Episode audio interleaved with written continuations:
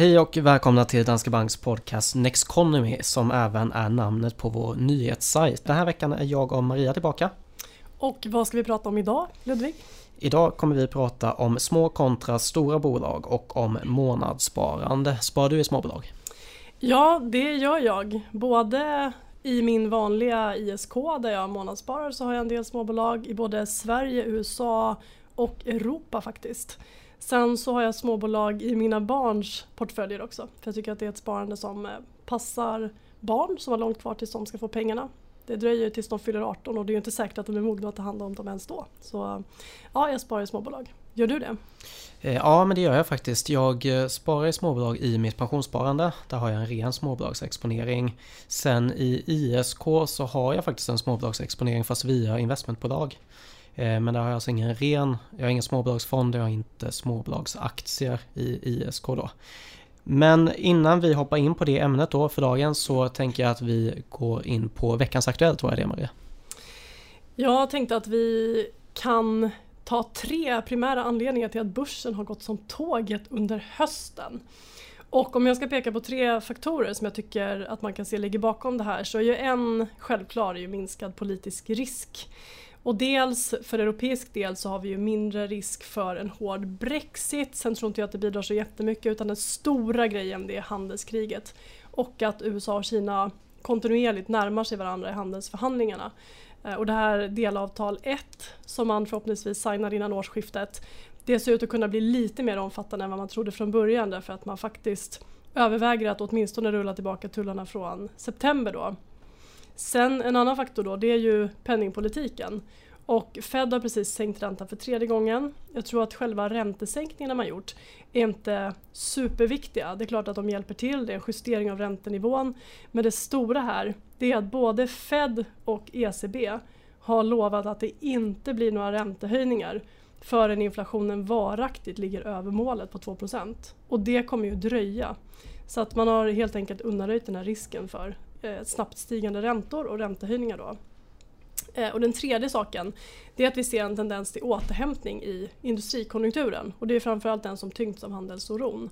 Så att PMI, alltså inköpschefsindex, pekar uppåt i alla stora regioner och det här har ju faktiskt fått storbolagsindex, OMXS30, som eh, storbolagstungt att dra ifrån sen augusti. Det har dragit ifrån småbolagen som vi ska prata om idag. Precis och eh, om vi då hoppar in på ämnet för dagen så eh, som sagt vi kommer att prata om små bolag kontra stora bolag och vi har faktiskt eh, pratat med vår förvaltare av vår småbolagsfond Petter Löfqvist som kommer ge sin syn på det här med småbolag. Och han utgår ifrån tre delar här. Han utgår ifrån vinsttillväxt, eh, tillväxtsektorer och multipelarbitrage. Så vi börjar med det första här och det kommer här. Ja, men det ska man ju konstatera att, småbolags, eh, svenska småbolag har varit en fantastisk eh, del av marknaden varit exponerad mot de senaste eh, 15-20 åren. Sen 2002 så har 100 kronor som du har investerat i, i småbolagsindex blivit 800 kronor. Eh, har du satt samma pengar i, eh, i de stora bolagen har du fått 200 kronor. Så att det är en enorm skillnad i, i, i aktieavkastning. Eh, och var kommer den här starka aktieavkastningen ifrån? Jo, det, det har att göra med att, att, småbolagen växer sina vinster väsentligt mycket snabbare, eller har historiskt gjort det i alla fall. Eh, 14 årlig eh, vinsttillväxt har, har gett ungefär 14% årlig aktieavkastning, så det verkar stämma ganska bra överens. Och det här med tillväxtsektorer, hur ser du på det? Ja, men, eh, det är så, tittar man på hur, hur eh, små, småbolagsindex och storbolagsindex är komponerat så, så har det ju bland de större bolagen väldigt mycket mer konjunkturell eh, exponering, en global konjunkturell exponering. Bland, men tittar du på, de, eh, på småbolagsindex då så kan du få väldigt mycket mer strukturell tillväxt. Ta till exempel eh, medicinteknologi som, som växer av av, av, att det finns ett ökande globalt behov av vård när, när demografi, eh, demografin går mot att vi blir äldre och äldre både i Västeuropa och i, i emerging markets. Det ställ, det skapar ju tillväxtförutsättningar för den typen av bolag. Du har digitaliseringstemat där, där inte bara vi konsumenter blir mer och mer konsumenter av, av digitala lösningar och tjänster, utan även hela den, framförallt hela den industriella digitaliseringen där produktionsprocesser och, och eh, industriella bolag ska digitaliseras, skapar också en väldigt stor eh, strukturell tillväxt. Och eh, sen såklart all, all typ av teknologi är ju strukturell snarare än en, en konjunkturell tillväxt. Och så hade vi den där sista delen också som jag tycker är ganska intressant, det här med multipelarbitrage. Ja. Nej, men dels, dels så har ju de mindre bolagen en, en möjlighet att, att förvärva sig till tillväxt på ett annat sätt än stora bolag. Eh, dels är det ju lättare för ett litet bolag att integrera ett, ett förvärv. Det är lättare att integrera ett litet bolag än, än om att Atlas Copco skulle köpa sin näst största konkurrent och försöka integrera det i, i globalt. Men, men sen finns det ju, i, det finns ju en, en, en, en anomali i marknaden kan man kalla det. Att, att, att 100 vinstkronor som är noterade på en börs värderas till ett genomsnittligt P tal på 15 kan vi säga. Medan samma 100 vinstkronor för samma typ av bolag i en icke-noterad miljö har en väsentligt, väsentligt lägre multipel. Så att för ett, ett bolag som är noterat att köpa eh, bolag som inte är noterade och lyfta in de vinsterna i, eh, i en noterad miljö och få en noterad värdering på de här 100 vinstkronorna skapar ju ett multipel arbitrage vilket skapat väldigt mycket värde. Det finns väldigt många exempel i småbolags, eh, bland småbolagen där, där det här har funkat väldigt, väldigt väl. Då. Bra, alltså vinsttillväxt, tillväxtsektorer och multipelarbitrage. Tre orsaker till varför man ska äga småbolag. Okej, då är vi tillbaka igen. Tack för det Petter. Eh, vad tycker du om det Petter sa det här Maria? Men jag tycker att det är väldigt intressant och det är ju en väldigt viktig anledning till just varför jag också har valt att spara i småbolag. Därför att det finns väldigt, väldigt tydliga och väldigt konkreta argument till varför småbolag bör ha en bättre potential, en högre potential sett över längre tidsperioder. Och vinsttillväxten på 14% per år i snitt, den är ju svårslagen. Precis, så han var inne på lite olika delar. Han pratade bland annat om det här med förvärvsdriven tillväxt. Eh, jag tänkte att vi kan gå in på det och ge lite exempel. Eh, om man börjar med ett exempel som jag tänkte ta så är det ju Nibe. Och eh, Nibe, jag gillar deras sätt att jobba med förvärv. Har du läst ekonomistyrning någon gång? Ja, det har jag gjort. Någon kurs på universitetet. Ja. För länge sedan. Ja, exakt. Ja, men precis. Du läste ju mer finans och matte. Det är kanske lite mer uh, viktiga kurser än ekonomistyrning i och för sig. men, men i alla fall i ekonomistyrning så pratar man om action control och results control. Och eh, action control handlar ju om att man går in och sätter tydliga riktlinjer för hur man ska göra saker i ett företag. Medan results control är att man sätter upp det här resultatet ska man nå och sen så får man egentligen nå det resultatet hur man vill. Och det här är ju någonting som Berkshire Hathaway har jobbat väldigt mycket med. Att just så här, man tror väldigt mycket på management i de bolag som man eh, investerar i och sen så låter man dem göra jobbet. Och eh, Nibe jobbar lite på samma sätt vet jag, just det här att man förvärvar företag och sen så man har ändå så här stora krav på resultaten men man låter bolagen själva eh, sköta jobbet och göra det de är bra på då.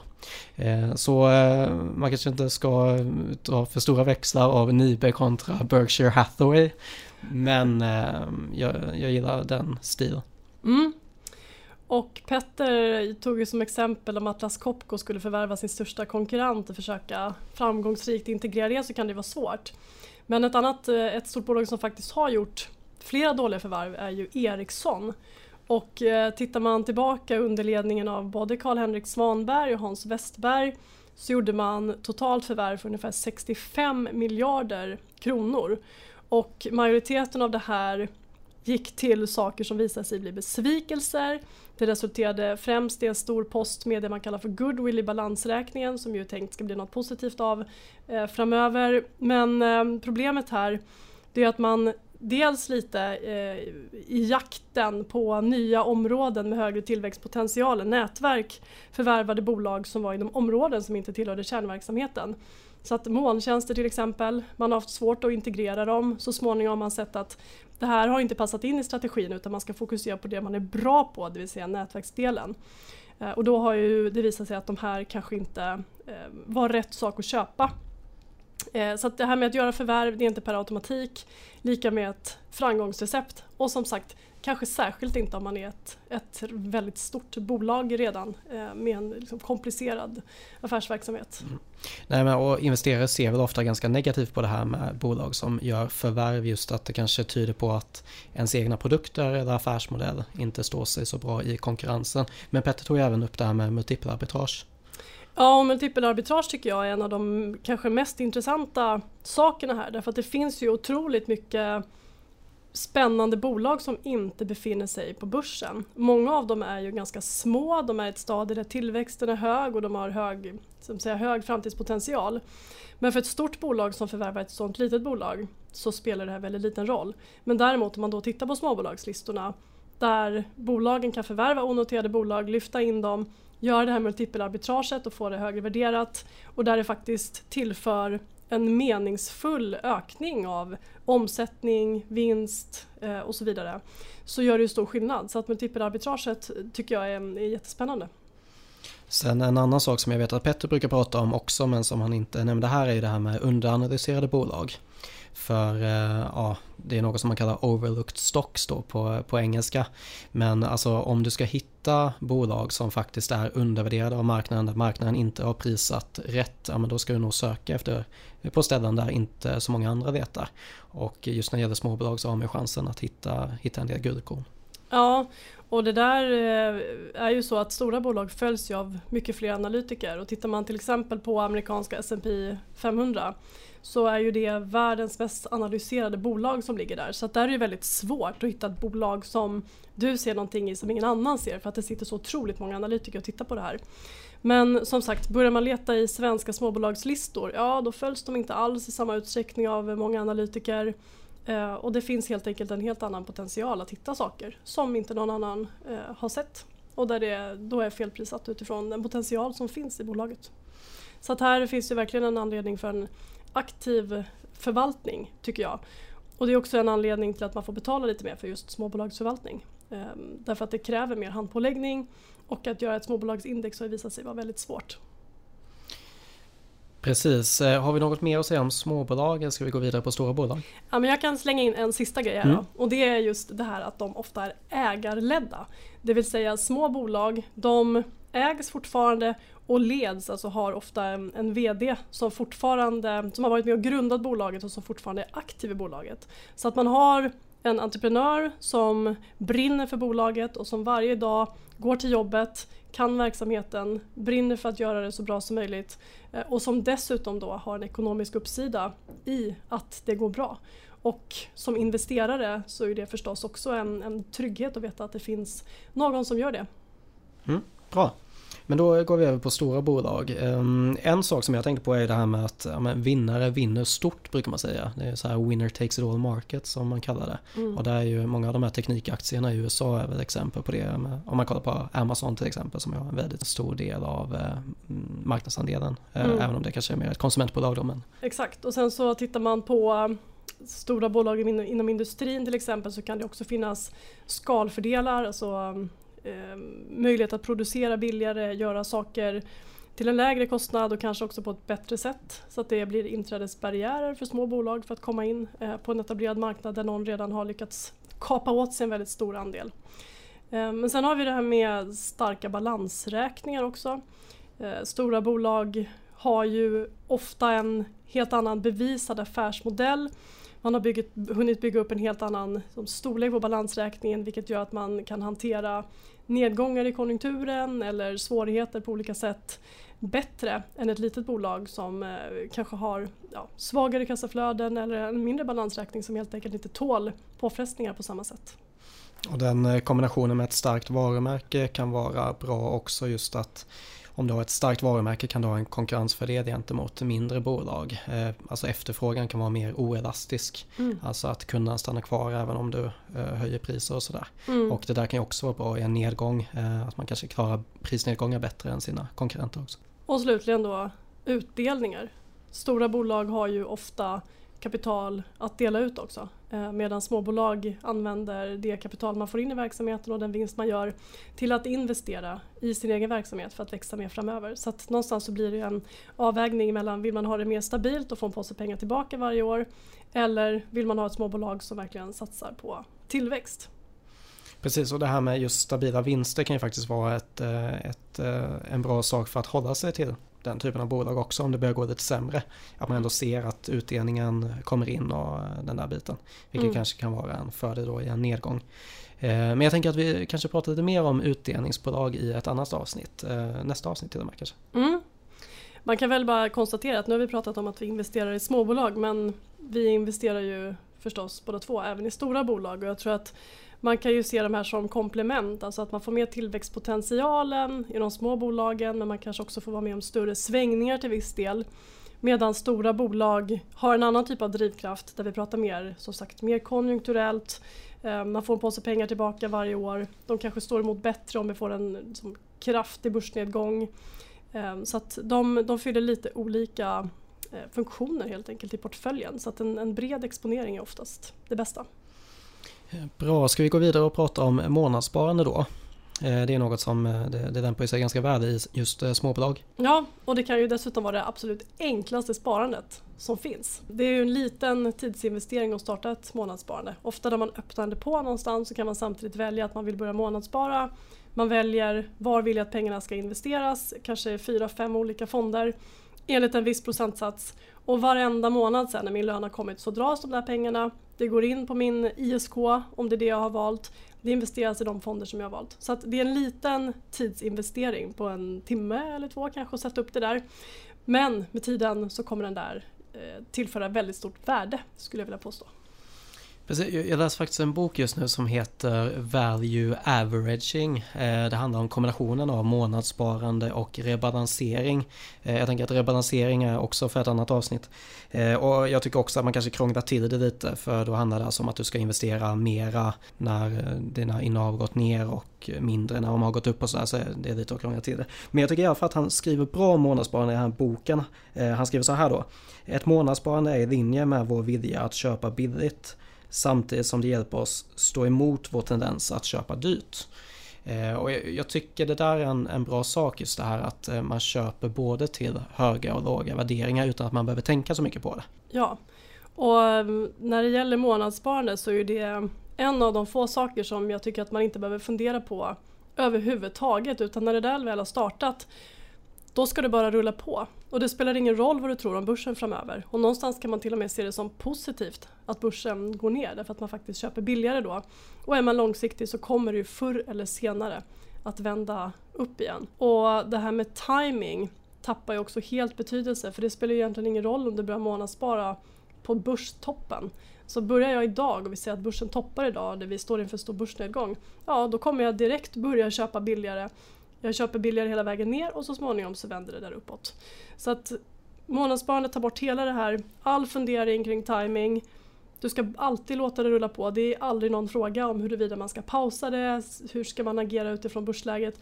För det spelar ingen roll. Månadssparandet ska bara finnas där, det ska vara en naturlig del av livet. Precis som att eh, gå till ICA och handla mat eller vart man nu går. Ja men precis. Och eh, det som är positivt med det här, för ofta så hör man ju det här att när det börjar gå bra på börsen, det kan man höra från kunder också, att då är det ofta många som vill köpa mera. Även om de sitter med en portfölj som kanske är 50% aktier och 50% eh, räntor då. Så känner man att ja, men nu har ju aktiedelen sprungit ifrån här. Den går ju så pass mycket bättre än räntorna, ska man inte öka lite i den då? Mm. Men ofta så är det ju, det är ju snarare tvärtom man ska göra. FOMO, fear ja, of missing out. Precis. Så eh, nej, och det är ju det som är det fina med månadssparande då, att du köper på det mera både när det går uppåt och eh, när det går neråt. Mm. Precis, och sen så tänker jag hur mycket ska man månadsspara då? Ja, man får ju förstås titta på hur mycket utrymme man har i sin egen ekonomi. Och med månadssparande så ska man också tänka att man ska kunna avvara de där pengarna så att de får en chans att växa under ett antal år framöver, helst 5, 10, 15 år. Eh, men ehm, att titta på att låta en viss procent av lönen gå till sparande varje månad och då se till att det också hänger med uppåt när man får en ökad inkomst. Så att den inte bara går till att öka konsumtionen och nöjeskontot utan att man faktiskt ökar det där månadssparandet eh, också. Precis och eh, det positiva med månadssparande just där det är att eh, när vi automatiserar sparande så kan vi dra nytta av vår tendens då att undvika förändringar. Det, kallas för status quo bias. Att vi gärna vill låta saker vara som de alltid har varit. Och det är bland annat därför vi kan hamna i dåliga vanor eller att vi helt enkelt undviker förändring. Eh, men grejen då med ett månadssparande, just att det är automatiserat, då drar vi nytta av den där mänskliga tendensen. Så istället för att då förändra månadssparandet så låter vi det hellre löpa på som det är. Det är något man kan se i eh, alltså en affärsmodell som har blivit väldigt populär är ju det här med abonnemangstjänster. Och det spelar ju också på det.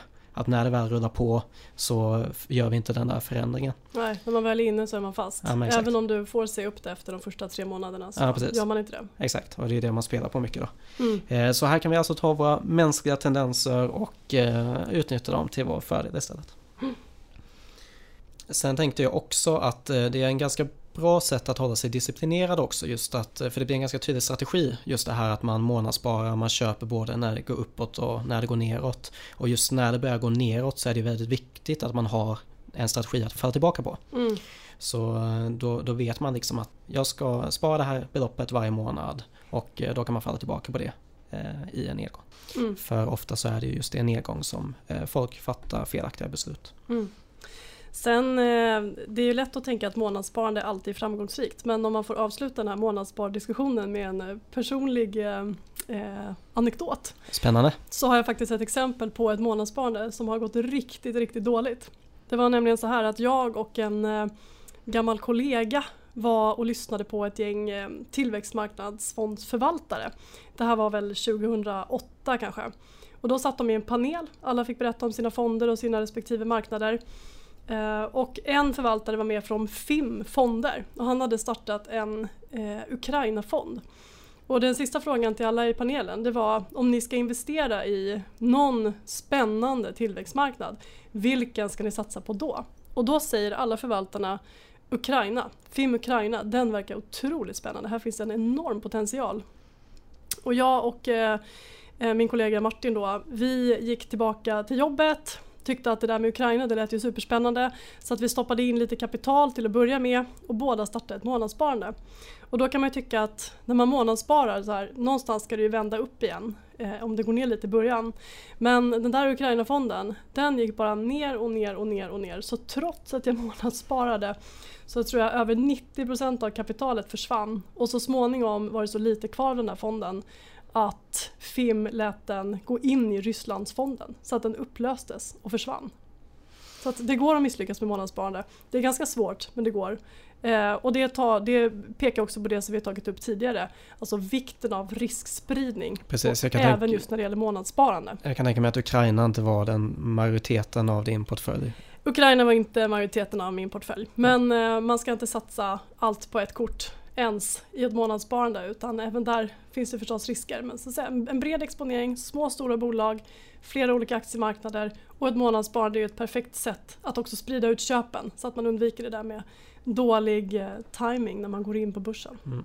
Nej och eh, det är ju det som är det fina med ett månadssparande just att du ska ju vara med om den där uppgången någon gång också. Och jag menar, då, då gäller det verkligen att man har en diversifierad portfölj. Eh, för att faktiskt få med, för jag menar enskilda regioner eller enskilda aktier kan ju faktiskt, eh, ja, det är inte säkert att de kommer tillbaka. Nej, man tycker att en region ska komma tillbaka men eh, inte ens det är säkert tydligen. Precis. Ja men bra, men då går vi vidare här och eh, går in på veckans tankefel. Eh, och eh, veckans tankefel är ångeraversion eller regret aversion som det heter på engelska då. Och eh, det här handlar om The Paradox of Choice som Barry Schwartz har skrivit en bok om. Han menar att ju fler valmöjligheter vi möts av som människor desto svårare blir det för oss att agera överhuvudtaget. Det alltså ökar sannolikheten att vi inte gör någonting. Så fler valmöjligheter borde vara positivt för oss men det verkar till och med vara negativt ibland. Så alla alternativ gör att vi får svårt att välja och eh, svårt att veta om vi väljer rätt. Och eh, ja, något som bidrar till det här är just då ångeraversion. Så vi vill inte ångra beslut efter vi tagit dem. Vi gör heller ingenting då. Eh, och eh, det är alltså jobbigt att kanske behöva inse att man hade rätt från början. För har man då gått in på aktiemarknaden och och eh, den börjar gå ner och man hade funderingar kring om man verkligen skulle gå in eller inte. Eh, ja men då, då får man ångra det här beslutet och känna den här ångern av att jag skulle ha gjort som jag tänkte från början. Och är det alltså personer som har förlorat mycket pengar på aktiemarknaden kan ofta lida extra av det här med ångeraversion då och få än svårare att gå tillbaka eh, in på börsen. Men jag tänkte bara, alltså Själva effekten vid investeringar är ju att dels så kan det göra svårt att släppa taget om en aktie på vägen ner. Man vill alltså inte sälja för att se den gå upp dagen efter. Och samma sak åt andra hållet. Man vill inte köpa eh, för att sen se hela aktiemarknaden gå ner. Och eh, risken här blir ju då att man kanske inte vågar gå in på börsen och man förlorar pengar långsamt genom att ta för lite risk i, i sitt sparande. Och eh, då är vi tillbaka där med månadssparande, alltså att kontinuerligt spara över tid.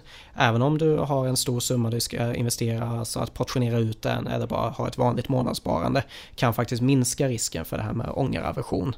Så eh, då fick vi in det igen. Ja, och det här kan man känna igen i många delar av livet. Till exempel när man eh, går in på en restaurang och möts av tre huvudrätter. Då är det ganska lätt att välja. Men att gå in på någon thai-restaurang och så finns det rätt 1 till 89 det gör alltid att jag sitter där i en kvart och funderar på vad jag ska ta och så slutar jag alltid med en pad thai som vanligt. Ja men det är inte fel med en pad thai. Nej, det är alltid gott. Men bra, men då har vi, eh, det var veckans tankefel så då tänker jag att vi ska börja avsluta för idag. Eh, som jag brukar säga, ni får jättegärna ställa frågor på Twitter, eh, Rosenstad Eller att Maria Landeborn. Och sen så lämnar vi även, vi lägger upp ett frågeformulär i avsnittsbeskrivningen också. Eh, nästa avsnitt kommer om två veckor och då tänkte vi prata om utdelningsbolag. Ja, och det blir ju spännande eftersom eh, fler och fler har som strategi att investera just i bolag med eh, stabila och återkommande utdelningar. Och då är frågan, vad är uppsidan med det och vad är riskerna? Och med det så vill vi bara tacka för att ni har lyssnat och så hörs vi igen nästa gång. Tack för idag! Tack och hej!